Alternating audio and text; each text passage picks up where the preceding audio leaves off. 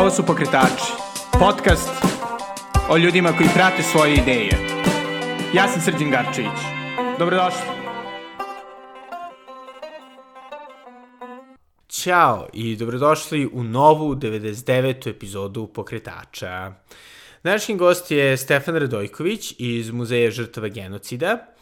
I sa Stefanom sam pričao ne samo o a, vrlo traumatičnoj temi genocida u drugom svetskom ratu, to jest sećenja na ove užasne događaje, već i o tome zašto je za svakog nas bitno da znamo o ovoj vrlo bitnoj temi i kako možemo da kroz nju naučimo nešto e, što o društvima u kojima živimo, što o jeli, uopšte funkcionisanju ljudi i kako možemo te strašne žrtve koje su razni ljudi podneli e, da bismo živeli koliko toliko slobodno danas, da iskoristimo e, u našem ne samo shvatanju sveta oko nas, već i o shvatanju samih sebe. E, takođe, naravno, dotakli smo se i teme e, fašizma i antifašizma, koja je, je vrlo aktuelna već u proteklih par godina, e, ali naravno i o, uopšte o memoriali, memorializaciji e, ovih svih događaja, počevši jeli, od 27. januara, koji je dan sećanja na žrtve holokausta. E, tako da da, vrlo zanimljiva epizoda, nadam se da će vam se svideti. E, pre nego što čujete Stefana, samo bih hteo brzo da vas podsjetim da pokretače i The Natural Times možete podržati preko Patreona na adresi patreon.com kao se crta Belgrade, kao i preko Paypala na adresi paypal.me ko se crta s Garcevic. E, a sada bez duženja, ovo je Stefan Radojković iz Muzeja žrtva genocida. Pa Stefane, hvala puno što si e, odlučio da budeš gost pokretača. Hvala tebi na pozivu, Srđane. E, nema, nema na čemu. I ovaj, pošto ćemo se baviti prilično teškim temama donekle, ali opet vrlo bitnim. Tokom intervjua da krenemo malo sa, sa, sa, sa očiglednim pitanjima, to je zašto si ti odlučio da se baviš nečim kao što je sećenje na genocide u našoj istoriji? To je pitanje za milion dolara i u početku moram priznati da sam to pitanje odmah posle studija, osnovnih studija istorije, izbegavao. Nije da ga nisam bio svestan i svestan svoje porodične istorije, gde zapravo jedan deo po, bakine porodice nestao u Jasenovcu, bili su ubijeni, čini mi se, 42. godine, Patković i Sjekovca, ovaj, nego mi je jednostavno bilo to, kao što si ti rekao, teška, ozbiljna i na loš način predstavljena tema upravo to strašna tema. I jedan od najvećih komplemenata koje sam dobio u poslednjih godinu dana od jedne devojke, ona, ako smem da kažem ko je, da. Jelena Vujanović i pokreni.rs portal, ovaj, je rekla, evo neko ko je normalno objasnio ovu tešku temu. I sad upravo je to poenta i to je upravo razlog što sam ja u početku stvarno izbegavao, stvarno izbegavao tu temu i moj diplomski rad je Falklandska, Falklandski rat u Beogradskoj štampi, uh, E, pa onda sledeći masterat koji mi je bio neuspešan, ga nikad nisam završio, zapravo to je film Neretva kao spoljno-politički projekat SFRJ. E, e sad, zašto ga nisam završio? Tu zapravo je razlog zašto sam počeo da se bavim i bavim se ovakvim temama, zato što mi je bilo besmislena tema, iskreno rečeno. Aha.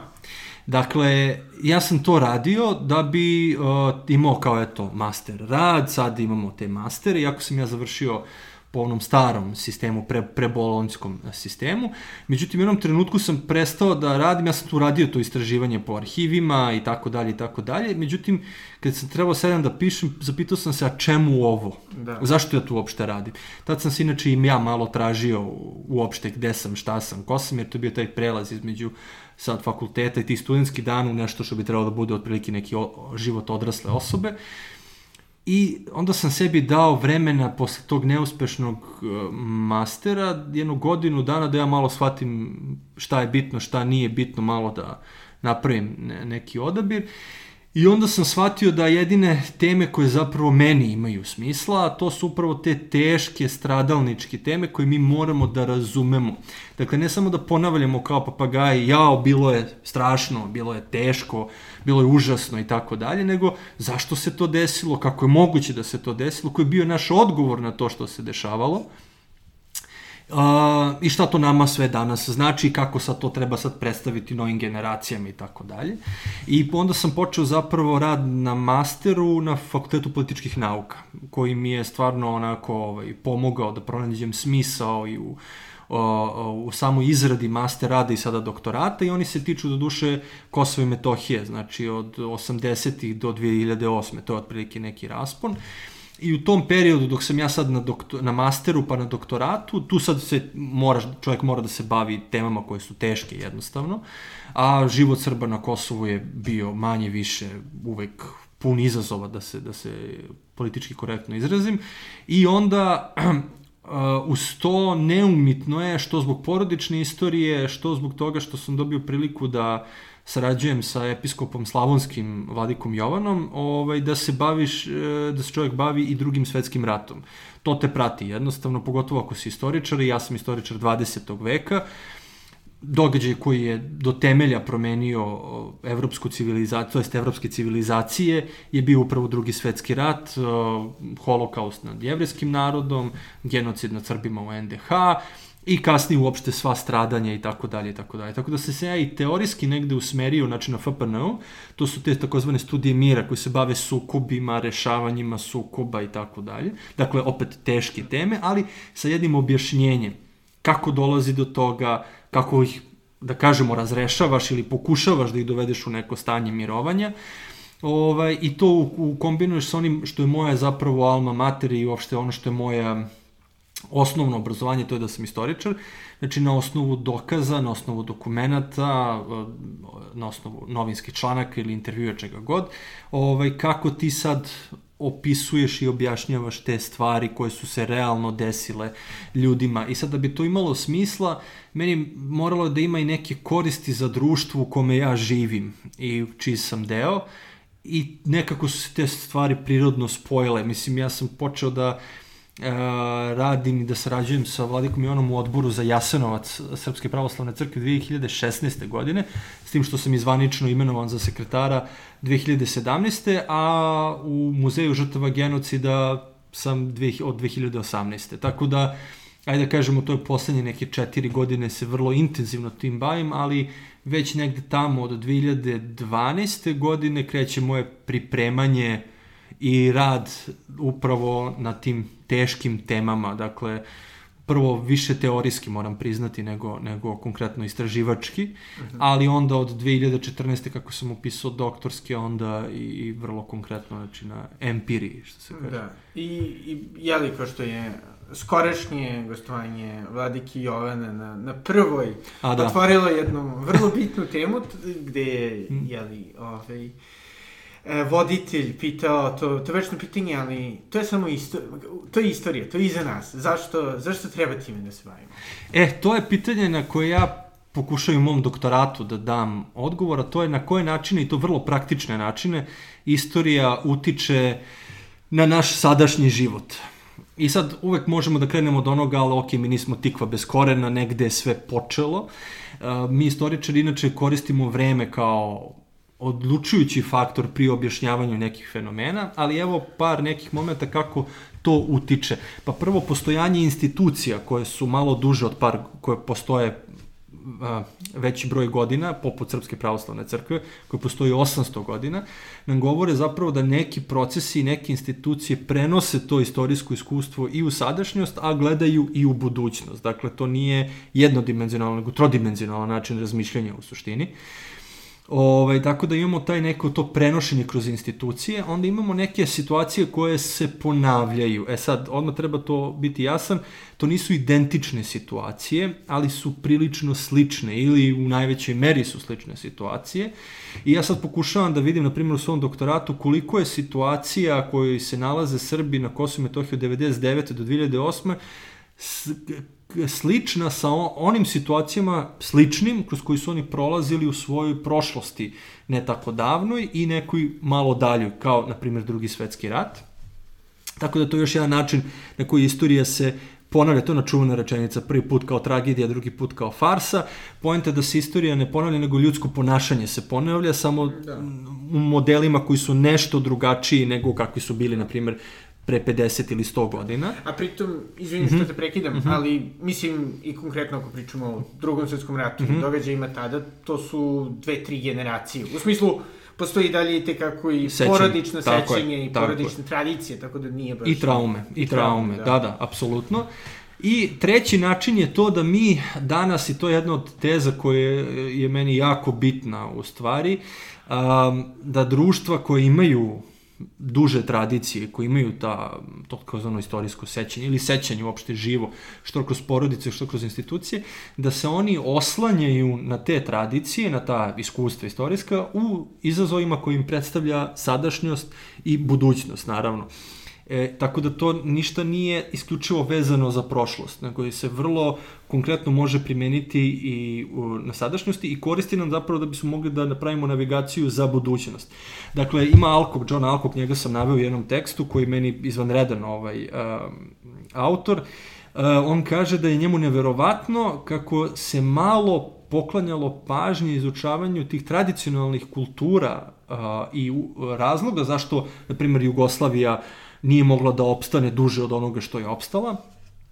E, zato što, kaže, ljudi koji, koji se susreću sa nepoznatim u nekom trenutku, oni se vraćaju na ono što im je poznato. A šta im je poznato? Pa poznata im je porodična istorija ili istorija te njehove grupe u tom, na primjer, selu ili gradu i naravno te neke veće grupe nacije koju pripadaju i tako dalje. Bez obzira da li mi sad naciju uh, definišemo kao Hobsbawm, da kažemo, od francuske revolucije do danas ili nešto starije kao nešto stariji fenomen kao što to radi Anthony Smith, ali poenta je da nacije postoje i veoma su relevantne za ovaj naš period u kome sada živimo, koliko god mnogi pričali da, da nisu relevantne, korona kriza je pokazala da su izrazito relevantne ovaj način promišljanja i kao analitički okvir. Tako da, eto, to su neka tri načina na koja vidim da je istorija jako bitna, plus ovo što si ti spomenuo, a to su traume, to jest sećanja, e, ponos na ono što su naši preci radili, ali i traume na ono što im se dešavalo. Neki od njih nisu imali ili nisu uspeli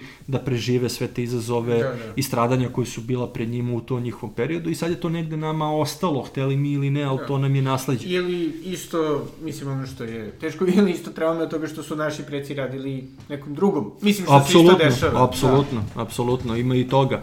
Ovaj, ja, na primer, nisam siguran za svog dedu šta je on tačno bio tokom drugog svetskog rata, jer sećanje mog oca je tu prilično maglovito, što zbog toga što mu on nije dao, deda nije dao dovoljno informacija, što možda zbog toga što moj otac nije želao baš puno da priča o tome, ali evo koliko sam ja shvatio da čak i deda možda bio komesar uh, ovaj, u NOB jedinicama, komesari su imali, morali da vode računa o mnogim stvarima, u, da ideološki ta jedinica ne zastrani, što je često verovatno uključivalo možda i izricanje smrtne kazne ili sprovođenje smrtne kazne, što da. sigurno na tako mladu osobu u tom trenutku nije moglo da, a da ne ostavi posledice, plus za ostale naravno. Da. Tako da, kao što kažeš, ili su činili neke zločine za koje mi ne znamo jednostavno. Da, da. Mislim, i, i čini mi se da je nekako ovaj, ono što je posebno zanimljivo kada se radi o tako teškim temama kao što je genocid i vrlo ono, politički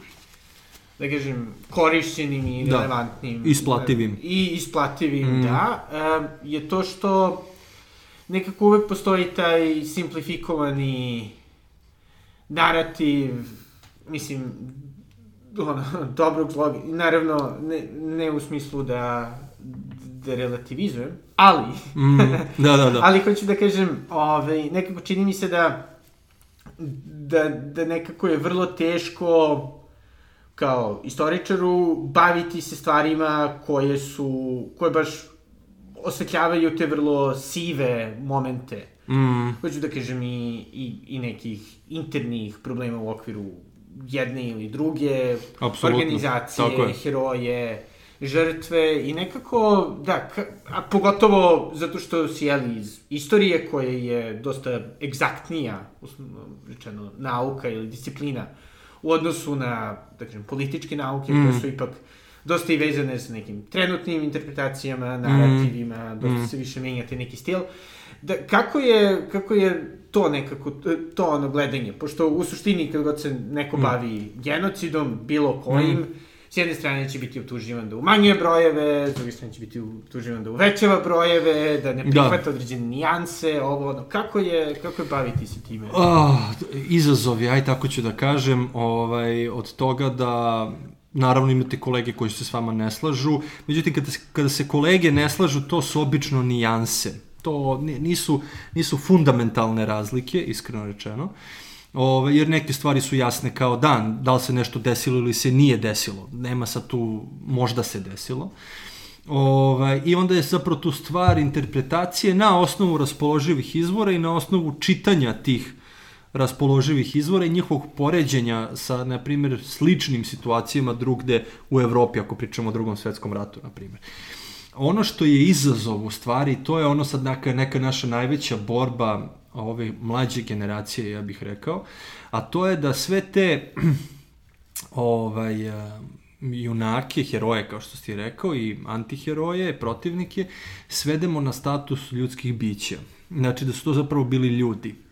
E sad to zvuči prilično banalno, ali nije. Evo, ko, baš sam pričao sa, u septembru s kolegom Nemanjom Devićem. On je sad završio doktorat, odbranio ga, mislim da će uskoro biti objavljena knjiga o partizanskom um, o partizanima u Srbiji, oku, zapravo okupacijonoj zoni Srbija, od 41. do 44. gde on pokušava da ih samo prikaže kao ljude kakvi oni jesu bili u tom periodu. I to je zapravo negde uh, naj, uh, najteže uraditi.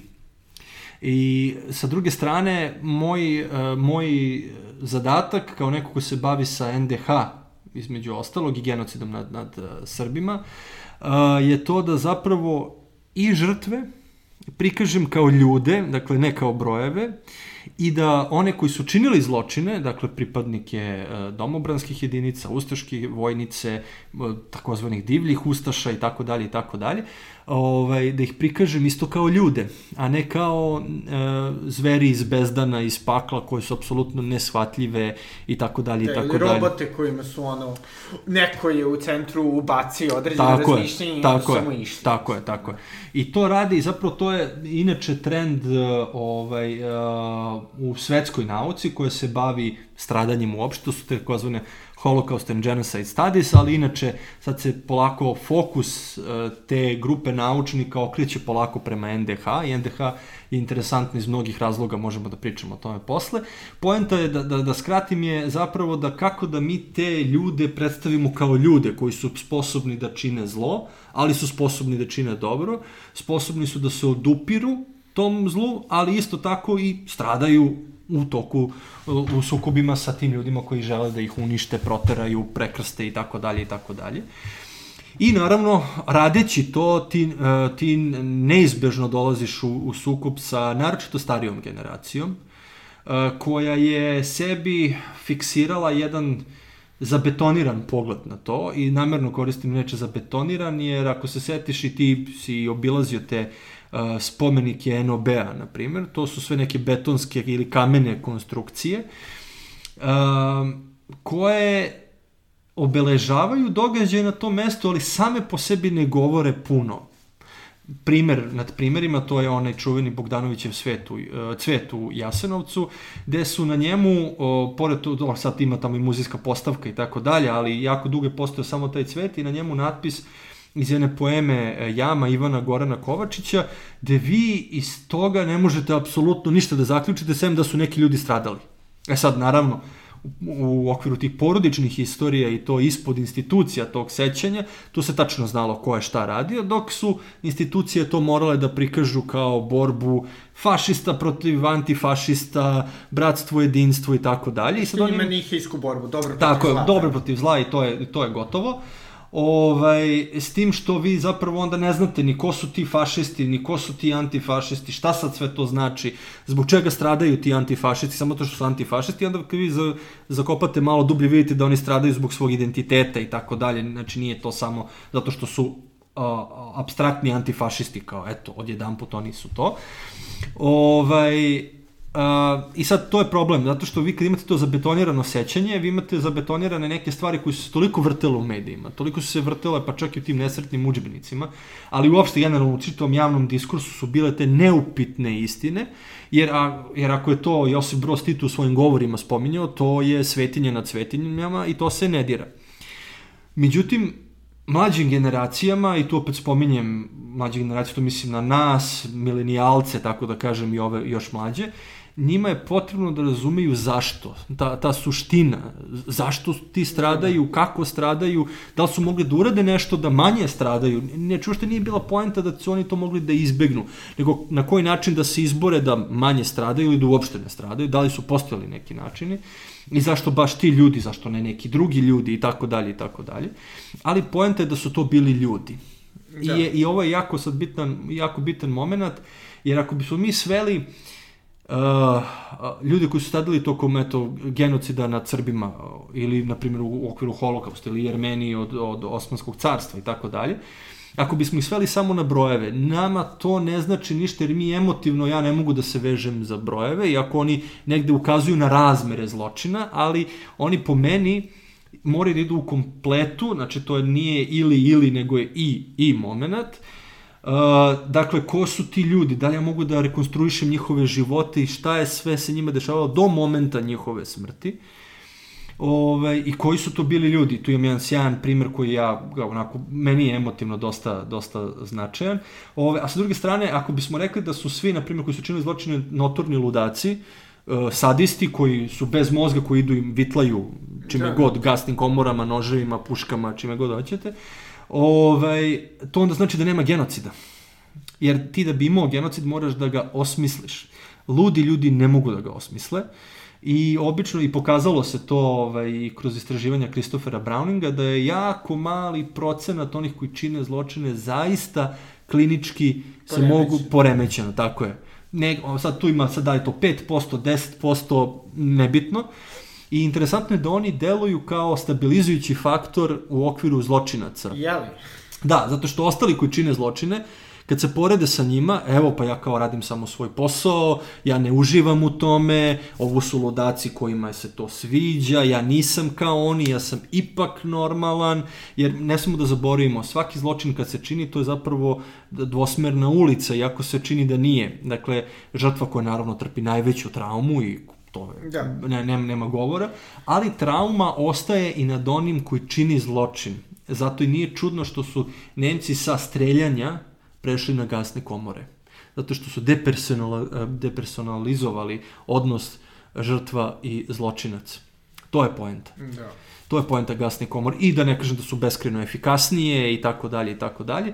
Jer su ovi primetili uh, u SS, u vrhovima SS-a, primetili su da ljudi koji čine zločine ili u vrhu policijskih struktura koji su takođe učestvovale u holokaustu nad jevrejima, da ljudi prvo pričaju, oni su ipak svedoci, a drugo da dolaze sa nekim psihosomatskim poremećima, manjim, većim, ali da im nije sve jedno i da to nisu više iste osobe i da to ima posledice na moral tih jedinica koje kasnije bi trebale da budu ipak upotrebljeni u borbi protiv, da kažemo, drugih vojnih jedinica i to onda nije, nije isto jednostavno. Da, da. Ili u opresiji prema, prema drugima. I čini mi se jedna stvar o kojoj smo pričali mm -hmm. ranije, mm -hmm. ovaj, koja mi je onako dosta ostala, je to što si rekao kako misliš da je izrazito bitno da bi se sve to savladalo i ajde da kažem, ovaj, svarilo mm -hmm. sa jedne i druge mm -hmm. strane, ovaj, pošto smo često i sa jedne i sa druge strane mm -hmm. zločinaca i žrtvi ovaj, kao ljudi, mm -hmm. je zapravo nekako e, shvatiti to na nekom gotovo, da kažem, teološkom nivou, mm -hmm. ili svakako verskom nivou. Pa me čist, a ne isključivo što se najčešće radi kao, e, oni su nama ovo, a mi ćemo njima tada, ili mi smo njima mm -hmm. to, i pa šta, ili jao i užas, mm. ili šta god. Jer se ovde zaista radi, mislim, o, ono, užasnim stvarima, koje, makoliko možda nam delovale neverovatno, opet sa mm -hmm. druge strane, kao ljudi koji su vrlo često suočeni sa ono mogućnosti da radimo dobro i zlo, Tako je. opet nekako možemo da, da rezonujemo sa tim užasnim izborima koje su ljudi imali. Ali ti opet nekako si mi par puta pomenuo kako je vrlo bitno dati taj neki gotovo metafizički, da kažem, Da, pa evo ovako, znači ispostavilo se, kad je rađeno posle drugog svetskog rata, to je Milgramovi ovi testovi, e, eksperimenti na ljudima, pokazalo se da je manja šansa, iako nije, nije totalno isključeno, da će ekstreman bol ili čak ubijanje druge osobe da počine osobe koje teže nekim idealima. I to su po pravilu bili ljudi koji su religiozni, pa sad koja god religija da je u pitanju, ili oni koji su stvarno uh, smatrali da oni zapravo ne odgovaraju samo trenutnom režimu ili vlastima, već da odgovaraju ovaj, i nekom idealu pravde, ljubavi i tako dalje i tako dalje, pa sad šta god to bilo. Ovaj, tako da se tu pokazalo da je manja šansa, iako nije nemoguće da će i takvi ljudi da čine i najgore zločine. E sad, Što se tiče osmišljavanja toga kako da se mi odnosimo prema našim žrtvama, mi pošto uh, želeli to da priznamo ili ne, ali naša, uh, naša ukorenjenost je takozvanom vizantijskom Commonwealthu, to jest pravoslavnom hrišćanstvu, uh, Uh, mi imamo načine na koje se mi sećamo naših, uh, ne samo oni koji su umrli prirodnom smrću, nego i oni koji su postradali, naravno, u toku tih uh, ovaj, zločina. Tako da za mene je jedan od tih načina to liturgijsko proslavljanje i sad mnogima to zvuči čudno kao, kako proslavljanje. Pa Isus jeste umro na krstu, ali on je i vaskrsao. Dakle, da. nije to bio kraj A, tako da kod hrišćana, barem onih koji su autentični hrišćani, ne deklarativno religiozni, ovaj, postoji taj moment da zapravo ćemo se svi mi sresti kasnije u carstvu, ne, u carstvu nebeskom i tamo ćemo sresti i sve oni koji su nevino postradali. I zato, kad se često, zato se često kaže, na primjer, i među ljudima, među našim ljudima, da eto išli su nevini e, na, na klanje kao jaganjci. Nisu oni zaista išli dobrovoljno i podmetali svoj vrat, ne misli se na to, nego su zaista bili ljudi koji e, su stali zato što su to što jesu. Nisu da. počinili nikakav zločin, nisu nikakvu zaveru kovali protiv, ne znam, tadašnje NDH ili tako dalje i tako dalje. Nisu Već Karadžorđevići naterali. Da, da, nisu im Karadžorđevići ispirali mozak i tako dalje, što bi rekao ovaj, moj profesor Nikola Samarđić, koji nam duguje i dalje objašnjenje ovaj, za lajkovanje tog tvita. U svakom slučaju, kad se kaže išli su kao jaganci na zaklanje, pojente upravo to bili su nevini u svemu tome. I sad evo, primjera jednog koji ja, meni je užasno bitan je zapravo moja čerka ima četiri godine e, i mala Anka Ilišević je imala četiri godine kad je nestala u Jasenovcu.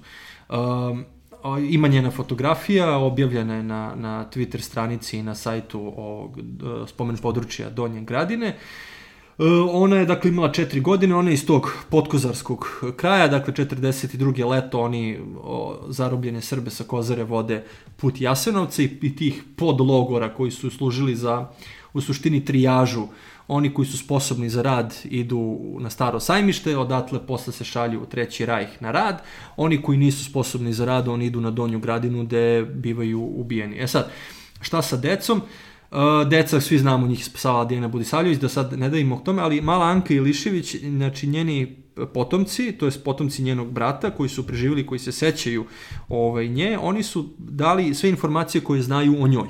Uh -huh. I poslednje što su oni čuli od nje kada su je Ustaš uzimale ovaj, od oce, rekla, ne daj me čiko.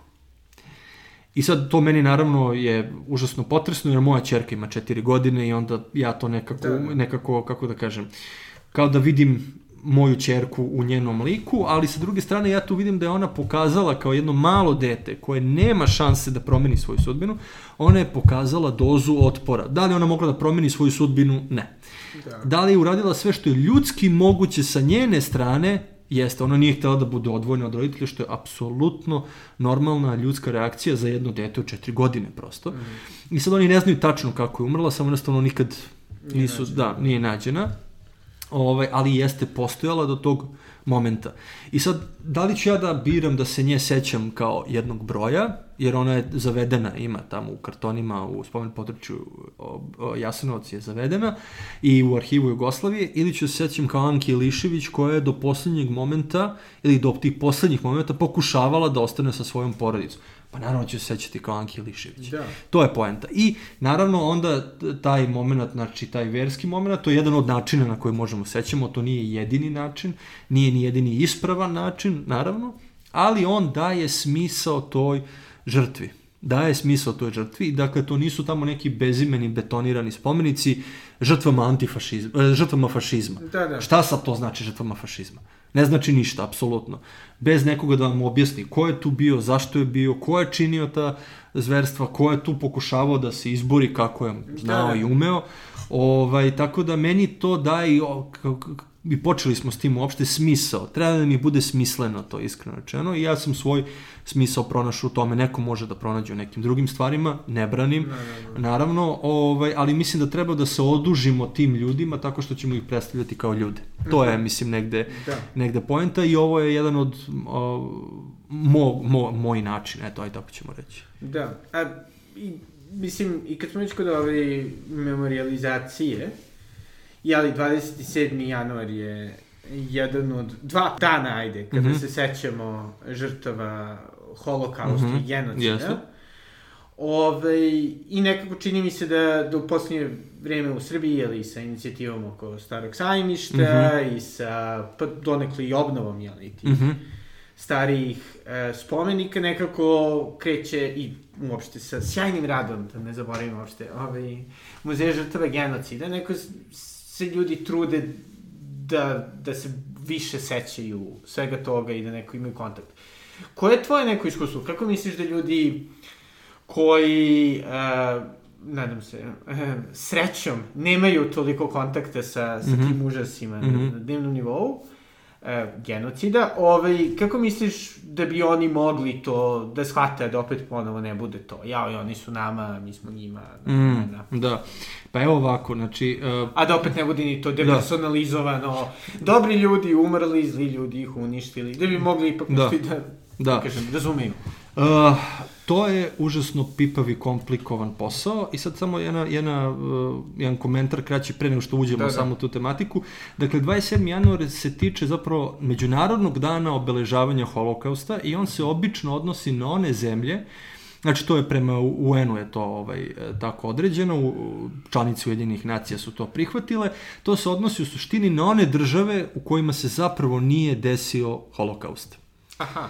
Dakle, naravno, to ne znači da nema država koje ne obeležavaju i taj dan, i to može da se obeležava, Da, ali u Srbiji, u Republici Srbiji zakonom je donešeno da je to 22. april. I to je dan, znači naš, Republike Srbije, kad se sjećamo holokausta i genocida nad Srbima u NDH, jer holokaust u ovim krajevima je imao dosta specifične pojavne oblike, zavisno od okupacionog sistema i zone u kojima se odvio cel, Da, širom da. Jugoslavije. I on je išao u ruku, pod ruku sa Porajmosom nad Romima i genocidom nad Srbima. I to ga čini prilično specifičnim u odnosu na ostatak Evrope, jer prema Efraimu Zurofu on je bio donekle bačen u zapećak po znacima navoda u odnosu na genocid nad Srbima. Jer zapravo u ovim lokalnim okolnostima uh, rat protiv Srba je bio, imao je primat u odnosu na to. To ne znači da se nije dešavao Naravno. genocid nad Romima i Jevrejima, jeste, jer je on bio konstanta za celu Evropu, ali ovde je bio, uslovno rečeno, opet kažem, zasenjen genocidom nad Srbima. Tako da mi imamo to, a neke druge države poput sad Lupiću spomenuli smo Nikaragve ili ne Da, znam da. SAD-a ili na onim znači onim državama gde se to nije dešavalo jednostavno, oni imaju taj 27. januar. Tako da ga mi negde notiramo, jer on jednostavno međunarodno je postao jednostavno važan datum i Da, da. s razlogom to je dan kada su jedinice Crvene armije Sovjetskog saveza oslobodila Auschwitz. Ovaj, a ovde za naše ove krajeve 22. april užasno bitan, a to je prestanak rada ovaj, uh, koncentracionog logora Jasenovac, tako što su se zatvorenici, evo opet dolazimo na to pobunili, nisu hteli, znali su da će biti uništeni jer su svedoci i probili su se, doduše njih oko 10% je preživelo to probijanje, ali nema veze, pokazali su da, Da, da. nisu cepanice koje idu na, na ubijanje, nego da su živi ljudi i pokuš, dali su sve od sebe da prežive taj logor. E, sad da se vratimo na ovo, sad kako da se bavimo tim temama, ovaj, kako da uvedemo nekog u tu temu, opet da ne izađe, kao što si rekao, oštećen za, za ceo život. Uh, mi tu pokušavamo, ali opet dosta skromnom opsegu, da koristimo metodologiju Jad Vašema.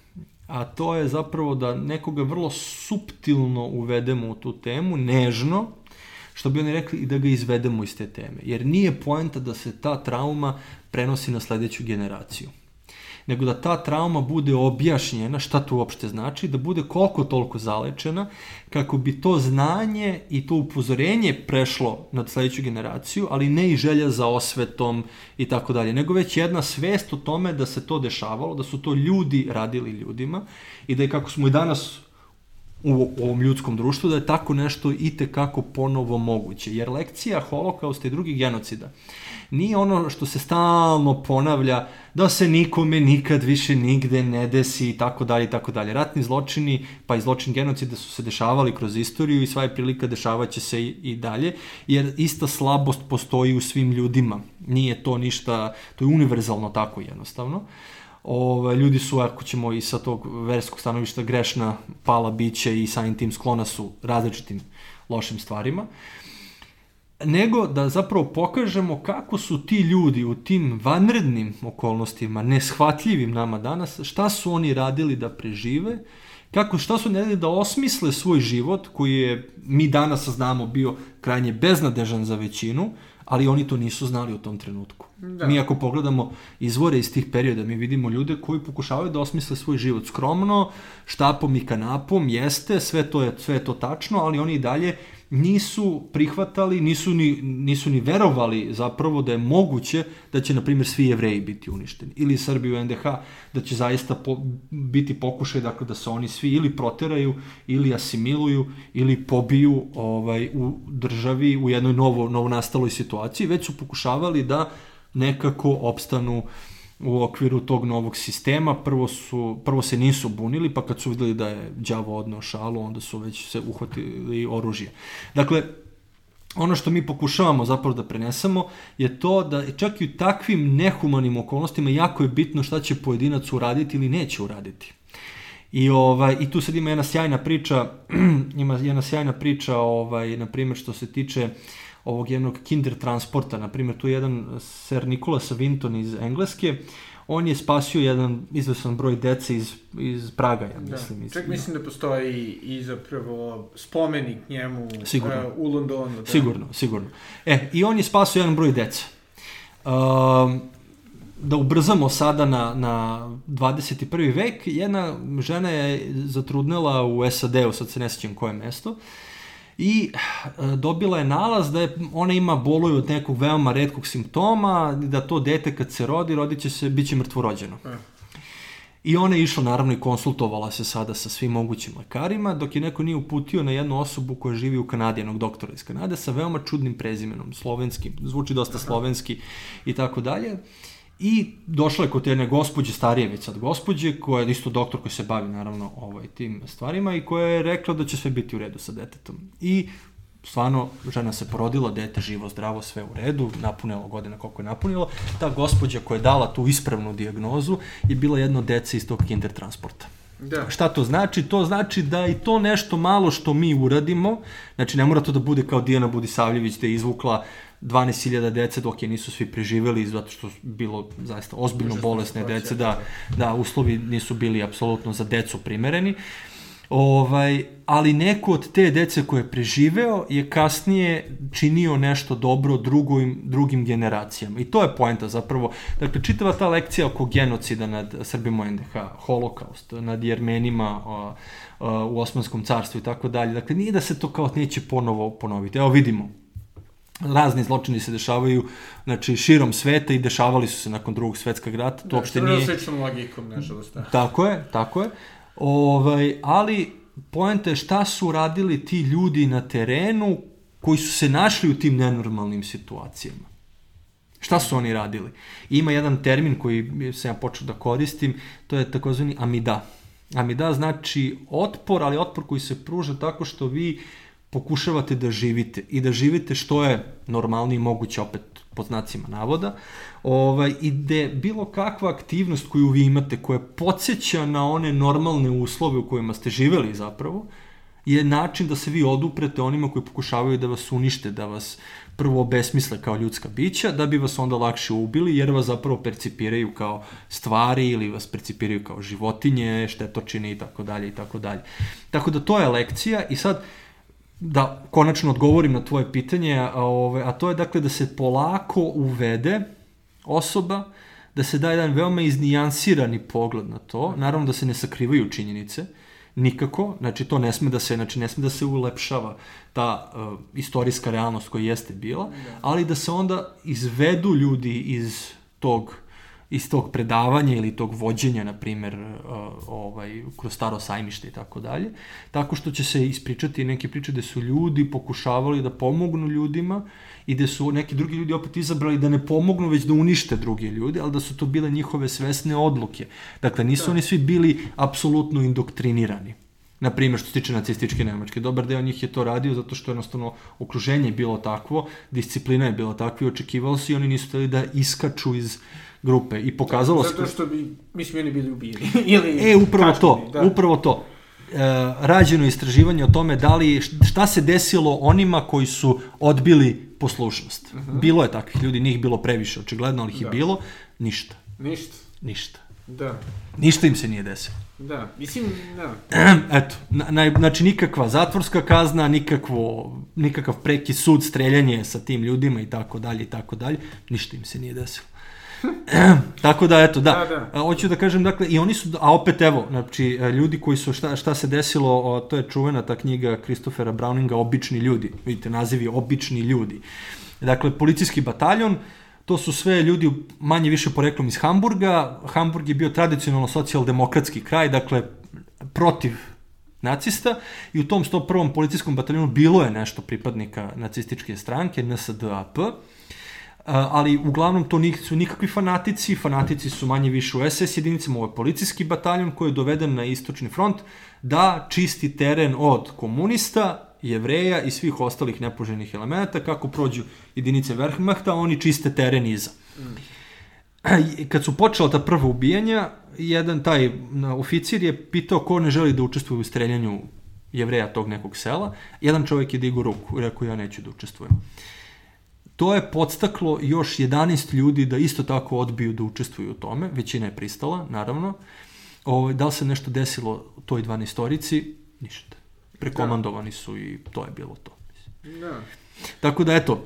Da. Ili recimo isto kao što je jednog moga rođaka uh mhm. -huh. koji je isto živeo u blizini Jasenovca, zapravo od Jasenovca uh -huh. spasio njegov poznanik iz istog mesta, mm -hmm. koji je ali, prišao u Ustaškom pokretu, mm -hmm. i on mhm. je rekao, ne, molim vas, gospodine Vasiću, idite. I mislim, i gde nekako ipak da, u svim tim da. situacijama je vrlo bitno shvatiti da, da, da imate da. određenu moć i da, ukoliko ste dovoljno čovek, da. možete, makar da kažem, te neke ono, osnovne odnose sa ljudima da očuvate da je to zapravo vaš izbor, da? Pa upravo to, znači sve se svodi na taj lični izbor. Da li sad ova tvoja priča znači da NDH nije planirala da, da se reši srpsko pitanje, apsolutno ne znači suviše mali uzorak, to je, da, da. Ove, ali postoje primeri, postoje primeri Hrvata, Slavonaca koji su stradali zajedno sa Srbima, odbija, bili su streljani, ovaj, na Donjoj gradini, zato što, ovaj, iako su ti dželati bili, bilo im je svesno da je u pitanju Hrvat, ali čovjek je bio izuzetno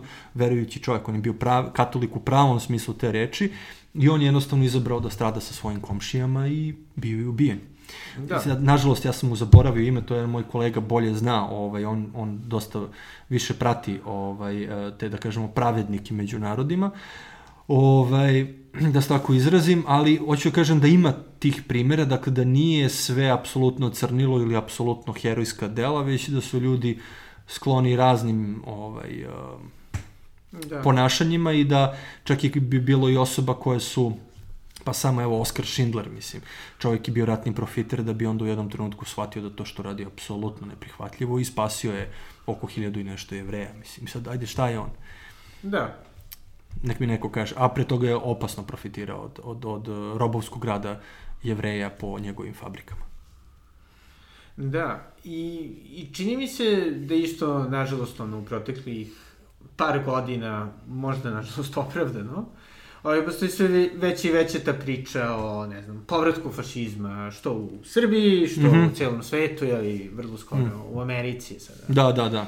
Cela ta ideja e, i nekako, kako ti, kao neko ko se zapravo bavi mm -hmm. najužasnijim zločinima fašizma, gledaš na, na to neko inflaciju termina.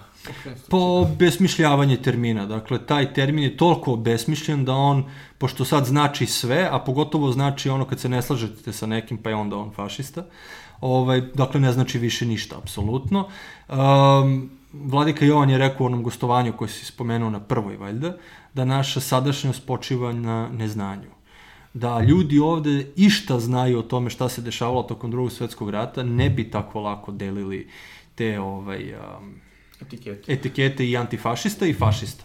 Ima i oni koji dele, znači svima da su sad, sad je on veliki antifašista zato što je okačio nešto na Twitteru ili Facebooku.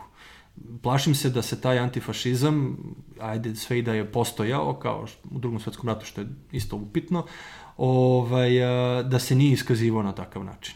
Nego zapravo odete u šumu, pa onda tu vidite od čega ste napravljeni, pa možda se vratite šume, možda ostanete, možda poginete pri prvom da. nekoj sabotaži, tako se pokazivao taj, ako ćemo reći, antifašizam. Misliš da nije bilo samo što su se oblačili ovaj, u retro odiću, ne? Ne, ne, to žao mi ali morat ću da razočaram ove pristolice današnje antifašizma. Dakle, da, dakle, pa ne, a evo ovako, ako ćemo iskreno, uh, ti kadrovi, pre svega komunističke partije Jugoslavije koje je pokrenula taj narodno slobodilačku borbu zaista jeste, ovaj, oni su se kalili tako što su išli u zatvor. I bila, za njih je bila velika čast, to jest i neki način školovanje, po znacima navoda, da odu u Sremsku Mitrovicu gde je bio zatvor za njih, najpoznatiji, da ih je sve doškolovavao ili obučavao Moša Pijade, između ostalo, koji je bio, da kažemo, glavni ideolog, uča njihov na neki, na neki način. Uh, Ovaj, tako da, da, kako da kažem, morate, mora, što bi rekli politikolozi, morali biste da imate skin in the game. Da. A ovako da vi nekoga, zato što se ne slaže sa vama, a pogotovo ako je sa desnog političkog spektra, da ga nazivate fašistom samo zato što se ne slaže sa vama u nekim stvarima, to je prilično problematično, jer uh, faš, fašističke ideologije koje su postojale zaista u, u 20. veku i koje jesu proizvod modernosti, uh, one su bile totalitarne, u smislu da su pokušavali da kontrolišu sve aspekte vaših života, a kazne su za, da kažemo, nepoštovanje tih normi koje oni propisuju, pogotovo u Italiji i u Vajmarskoj republici u početku, ali zapravo u Trećem rajhu, su bile ili zatvor ili smrt. Dakle, da li, vama, da li vas danas neko pokušava da ubije zato što, ne znam, mašete sa nekim transparentima protiv ove ili bilo koje vlasti. Apsolutno ne. Da, dešavalo se nasilje gde ono poslednje kad je bilo u vezi karantina, kada je policija upotrebila apsolutno o nepotrebnu ovaj um, tako je tako je apsolutno.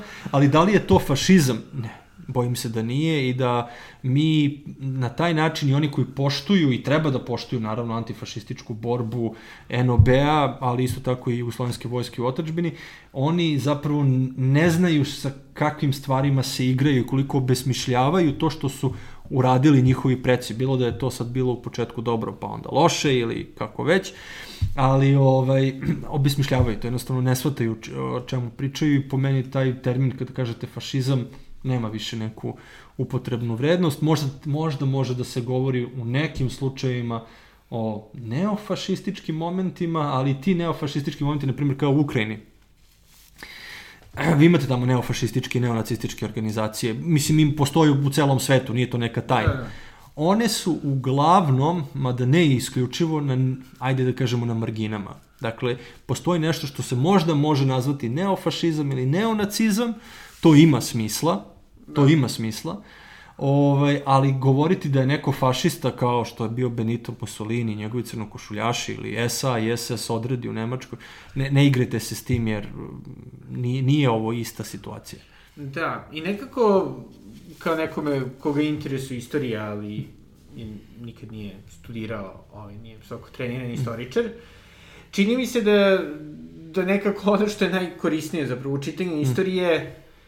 To je da i u svesti o istoriji je ne to da će da se kao larpuje određeni period, mm -hmm. to je stvarno da se non stop ponavlja određeni da. period koji vas da. interesuje, već zapravo da se shvati baš ta da kažem ljudska komponenta i da se shvati da isto dosta nekih mehanizama ostaju tu, mm -hmm. ali da se vrlo često iskazuju na možda drugačiji način. Apsolutno, u smislu, apsolutno da, da, i svakako ovaj, sa drugačijom estetikom. Tako da nekako ono, kako, da, kak, šta zapravo misliš da je najbitnija stvar, da, koju su ti naučio tokom svoga dugoga bavljenja i, jeli, nastavljenog bavljenja da, pa, temama? Da, pa neke stvari će izgledati isto, ali će one biti slične u najbolju ruku. I sad, ovde đavo leži u detaljima u stvari, a to je da identično i slično nisu iste uopšte termini koje označavaju,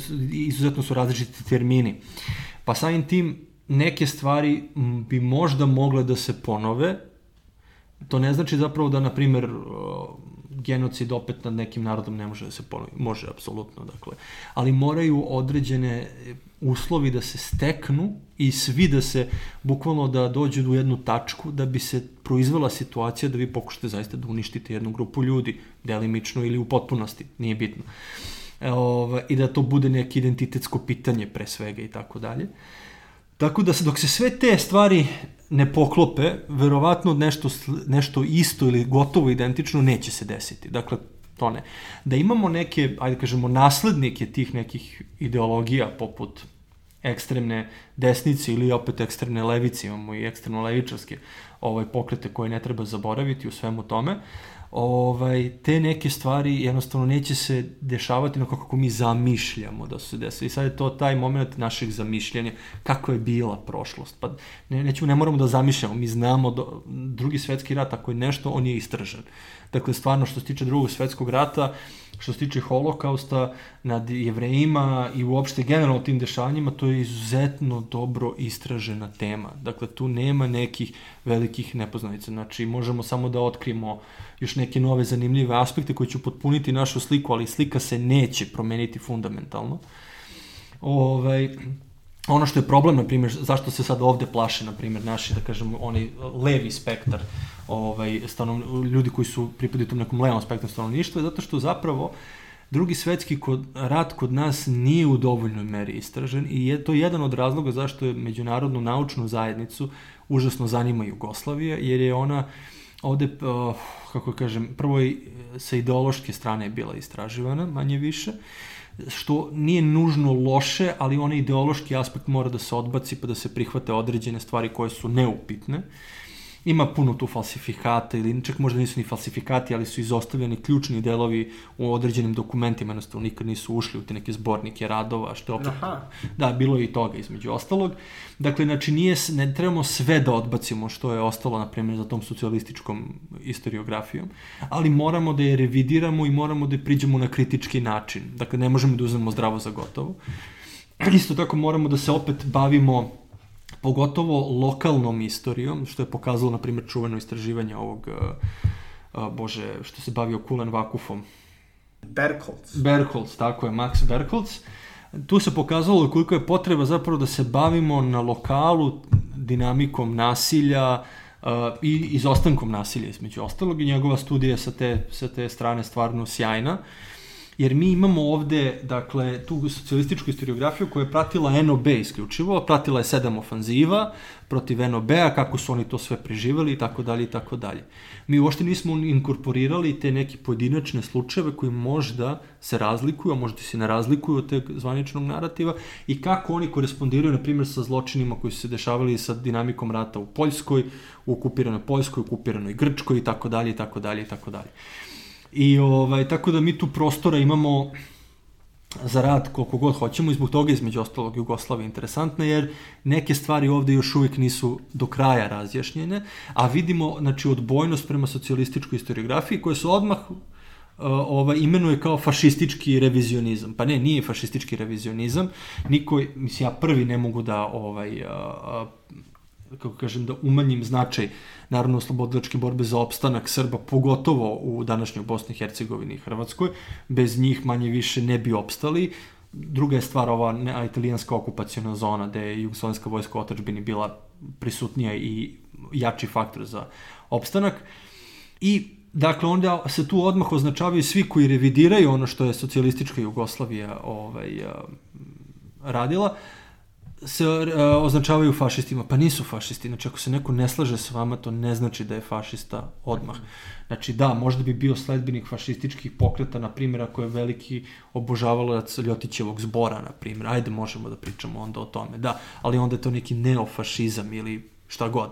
Da. Ova, ili ako je neki veliki obožavatelj Trećeg rajha, na primjer. Da, onda možemo da imamo. Dakle, ali ako neko teži tome da raščivija, znači da izbaci taj ideološki moment i da vidi prosto šta se dešavalo i zašto se dešavalo i tu se opet vraćamo na početak. Dakle, ako njih, te ljude koji su u tim događajima se shvate kao ljudi, a ne kao heroji, ne znam, Boško Buha koji baca bombe na bunkere i jedva čeka da umre, ma neće biti da je baš tako. Ovaj, moja baka tetka Olga Petrov, ona je narodni heroj. Uh, ali ona, ja vam garantujem, ona dok je umirala tamo, u, u, dok su je ispitivali u, u banjičkom logoru, verujem da nije bila nešto previše ovaj, um, ponosna na to što je pripadnik uh, Skoja, Skoja i tako dalje i da je svojom krvljom napisala umirem za KPU i ne znam šta. Viš da je prilično bila jedna uplašena mlada devojka koja se suočavala sa smrću i sa ispitivanjima koje su bila jeziva, mislim. Tako da hoću kažem da moramo malo... Da je bila zapravo, i, i to čini zapravo njenu žrtvu dosta zato što pa, je bila normalno, mislim, normalna, pa čovjek, osoba, čovjek, čovjek da, tako je. a ne, ono, super žena. Tako, od betona koju vi sad, ili kao Lepa Radić, na primjer, da, da. koja jeste, ja, ja mislim, ja se divim tim ljudima koji su bili, koji su imali ta svoje uverenje, bili su spremni da umru za svoje uverenje, ali kao što vidimo danas uopšte u ovoj eri post istine i postmodernističkim shvatanjima, dakle ideali, e, imamo sve manje i manje ideala, sve više se svodi sve na neke realnu dobit koja može da se opipa. Da. I samim tim koliko onda mogu ti fašistički pokreti zaista da budu popularni. Pa isto onoliko koliko mogu komunistički.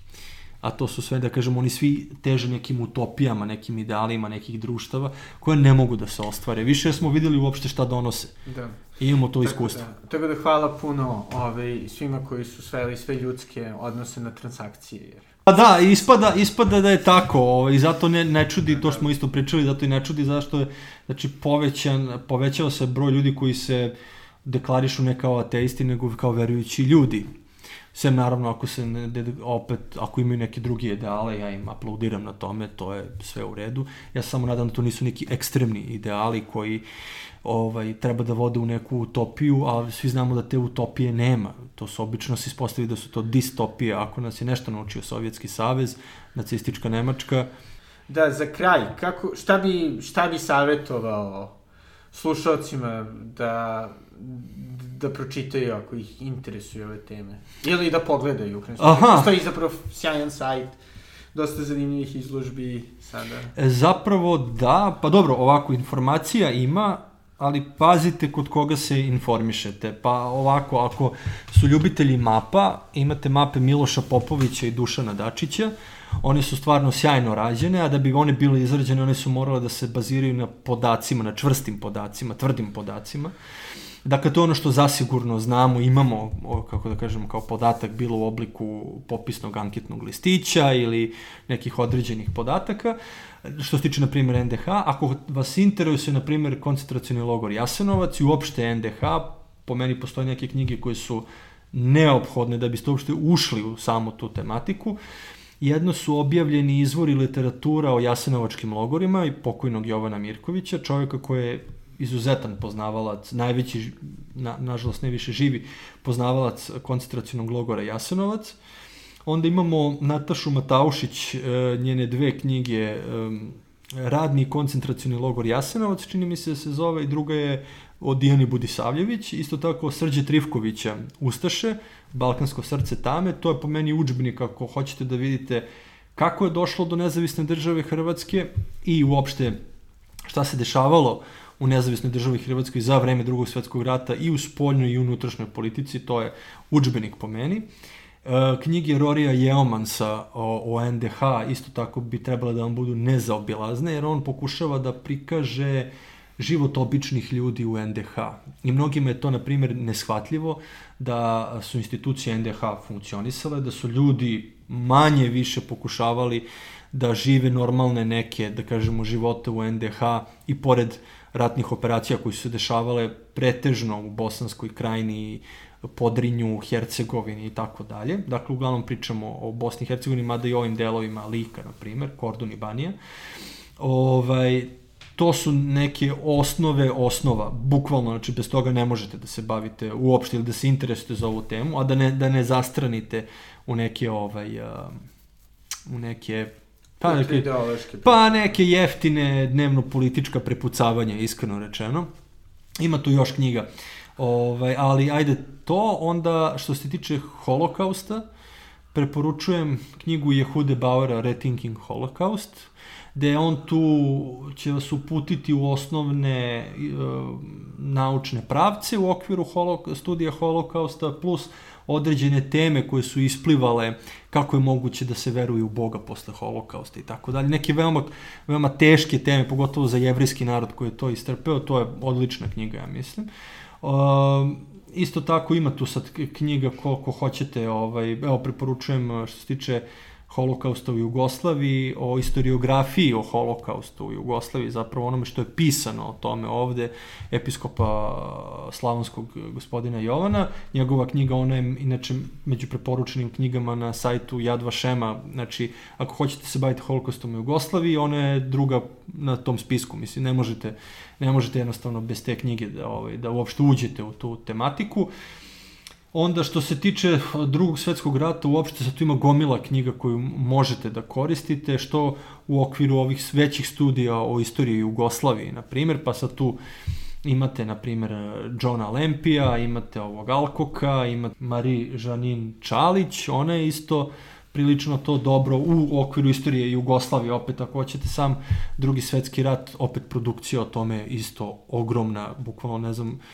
od stranih historiografa do ovih naših imate, na primjer, prošlost bez istorije. O ovome smo pričali, to je dakle, ako hoćete da vidite zapravo kako se tumačila prošlost, naročito 80. godina na ovim prostorima, dakle, pred ove ratove, gde zapravo istoričari nisu imali glavnu reč u tim debatama, već su to imali političari, pesnici, novinari i tako dalje, od Koste Nikolića. Mhm. Inače, od Koste Nikolića uh, a, njegove knjige o, o ravnogorskom pokretu su isto tako jako dragocene.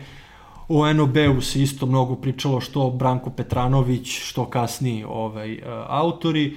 Dakle, evo, što se tiče, da, na primjer, starog sajmišta, preporučujem Milana Koljanina, um, isto tako Christophera Browninga, jer uh, Christopher Browning je izučavao i staro sajmište, između ostalog, kao i Milan Koljanin, tu ima Walter Manošek, njegova knjiga o okupacijnoj zoni Srbija, Evo sad nova knjiga Nemanje Devića o NOB-u od 41. do 44. u okupacionoj zoni Srbija. Dakle, jednostavno ima, gledajte dakle da su to provereni izvori informacija. Šta hoćete mi da kažem? Da su to naučne, državne naučne institucije ili naučne institucije sa nekim kredibilitetom. Dakle, da, ovaj, da znate da ste dobili e, najpouzdanije i najnovije informacije koje je moguće trenutno nauka da izbaci. Zapravo to su dakle, ovi neki ugledni izdavači i tako dalje.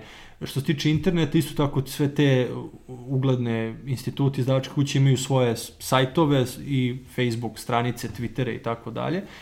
Na primjer, svima preporučujem, ajde ne samo Muzej žrtava genocida i odbor za Jasenovac, gde radim, već uh, spomen područje Donja Gradina, spomen područje 21. oktobar Kragujevac, svi oni su na, uh, na netu i tu zaista možete naći gomilu korisnih ove, informacija koje će biti u početku teške da se malo svare, ali će vam dati dobru podlogu da kad onda nađete na neke sumnjive internet članke i tako dalje, da ćete moći da ih da ih ovaj, prepoznate kao takve u stvari. Da. Sad, naravno, garancije nema, ali ovaj, ovo su vam prve, prve stvari gde biste, koje biste trebali da konsultujete ako vas zanimaju.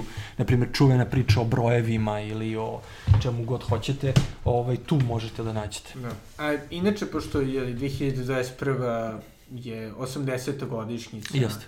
Tako. zapravo napada snaga osovine Uh -huh. na Jugoslaviju i početka zapravo većine problema koji su nas zadesili Mm, tako je. tokom drugog svjetskog rata, da se eufemistično izrazim, jel postoje određeni događaji koji se očekuju? Pa da, evo ovako, dakle, postoji jedan sajt kojem preporučujem da posjetite, to je Virtualni muzej Jasenovac. To radi jedna jako zanimljiva ekipa teologa, um, IT stručnjaka, istoričara, ovaj, gde pokušavaju upravo na ovaj način na koji sam pričao da približe malo te teme s tim ljudskim pričama, ovaj, stradanje u, ovaj, u Jasenovcu. Uh, biće izložbi, evo je ovaj moj film Dara iz Jasenovca, pre koju godinu je bila ovaj dnevnik Dijene Budisavljević. Dakle, da, biće ovih, ova 80-godišnjica će biti obeležena.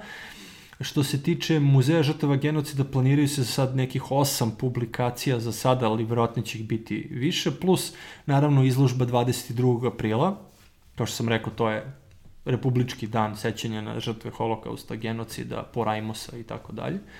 Ovaj, tako da će to biti, trebalo bi da bude i film o koncentracionom logoru Jasenovac. U toku ove godine mi se nadamo da će produkcijski biti gotovo sve to do aprila. Problem je zapravo u koroni. Jednostavno, Da. korona je to sve prolongirala. To je trebalo da bude zapravo film dokumentarni krajem prošle godine pušten, ali jednostavno ni- nismo, nismo postigli. Tako da sa te strane biće, e, jedna konferencija će biti održana, ja se nadam ove godine, ako ne ove onda sledeća, to je ona konferencija koja je planirana trodnevna, ja mislim, Beograd, Jasenovac, Zagreb, S tim što i mi planiramo, Muzej žrtva geneca planira da će biti deo jedne konferencije na Filozofskom fakultetu, koja se planira opet tako nešto oko aprila ovaj, 2021. to jest ove godine i tu, tu bi trebalo budu neka tri panela. Dakle, jedan uh, panel će organizovati katedra za Jugoslaviju, jedan panel Muzej žrtava genocida, a još jedan panel to je ovaj katedra za modernu istoriju uh, filozofskog fakulteta, tako da će biti što se tiče tog naučnog momenta i tog nekog komemorativnog, to će biti obeleženo svakako i naravno pozivam sve da dođu u manastir Jasenovac, Uh, tamo mogu da dođu kad god hoće, bukvalno. Ovaj, tamo uvek ima neko da ih dočeka, da ih provede. I naravno u septembru odbor za Jasenovac tradicionalno ima svoje centralno obeležavanje novomučenika Jasenovačkih. Zašto septembar? To jest u stvari to je kraj avgusta, ali po crkvenom kalendaru to je početak septembra. E, to su dani kad je počeo da radi koncentracioni logor Jasenovac 41. I tada imamo naučni skup u Zagrebu i onda u manastiru Jasenovac liturgije i posle se ide do ovaj, spomen područja Jasenovac gde se održi opelo i pomen svim stradalima. Tako da, kao i svake godine mi radimo, ja mislim da se i za to čuje, može to da se proprati, ja mislim na Facebooku, na Twitteru, tako i tako, ali tu smo, u etru smo, što se kaže. I naravno, kogod hoće da nam se pridruži ili s nekim dobrim predlogom ili ako ima neke dokumente, evo, izranjaju neki razni dokumenti iz porodičnih arhiva koji ne donose neke fundamentalno velike a, novine, ali popunjavaju tu- taj mozaik i, i potvrđuju ono što mi, mislim, već Da. uveliko znamo, ali i oslikavaju i sad daju taj neki malo lični, Da. lični ton svemu tome. A i pomažu vašim precima da ostanu zapamćeni. I formalno. Apsolutno. Pa da, to je institucionalno čuvanje toga je jako bitno jer to sve što mi dobijemo to se digitalizuje. Tako da kažemo da čak i ako se taj neki papir vremenom raspadne, što je veoma moguće, ovaj, mi ćemo ga imati u digitalnoj ovaj, formi. Već imamo, dobili smo, na primjer, profesorka Jelena Erdeljan sa Filozofskog fakulteta donela neke dokumente koje je izdala nezavisna država Hrvatska uh, povodom, um, to je interesantno, a, obeštećenje za oduzimanje njihove imovine u Vukovaru. Naime, ubili su njenog dedu i oteli su im imovinu, pa pošto je u pitanju ipak država, onda su kao eto platili neko obeštećenje za tu oduzetu kuću. Naravno, mrtvog dedu niko nije spominjao, ali kao, i naravno, ne treba reći, ali ta, ta novčana nadoknada je bila i više nego ovaj, simbolična, ali mi sad imamo, na primjer, te dokumente koje ona donela i za koje mi znamo, to je to ravnoteljstvo za ponovu koje je trebalo da obnovi ekonomski život nezavisne države Hrvatske u odnosu na strašan period po znacima navoda Kraljevine Jugoslavije i eto to je još jedan dokaz o tome kako su oni radili i kako je ta njihova birokratija ovaj, administracija kako je funkcionisala, funkcionisala je prilično dobro u onim delovima gde je NDH imala potpunu kontrolu. I to je bio Stefan Radojković iz Muzeja žrtva genocida. Svakako vam preporučujem da, ukoliko se ova tema naravno interesuje, a mislim da bi trebalo, da zapratite Muzej žrtva genocida na Facebooku, da pratite i Stefana e, i razne sjajne stvari koje radi po ovim pitanjima e, na Twitteru, e, ali i da čitate njegove članke koji najčešće izlaze u, na portalu Talas. Tako da, da, to je to za ovu epizodu. Do sledećeg slušanja i do jubilarne stote epizode. Doviđenja.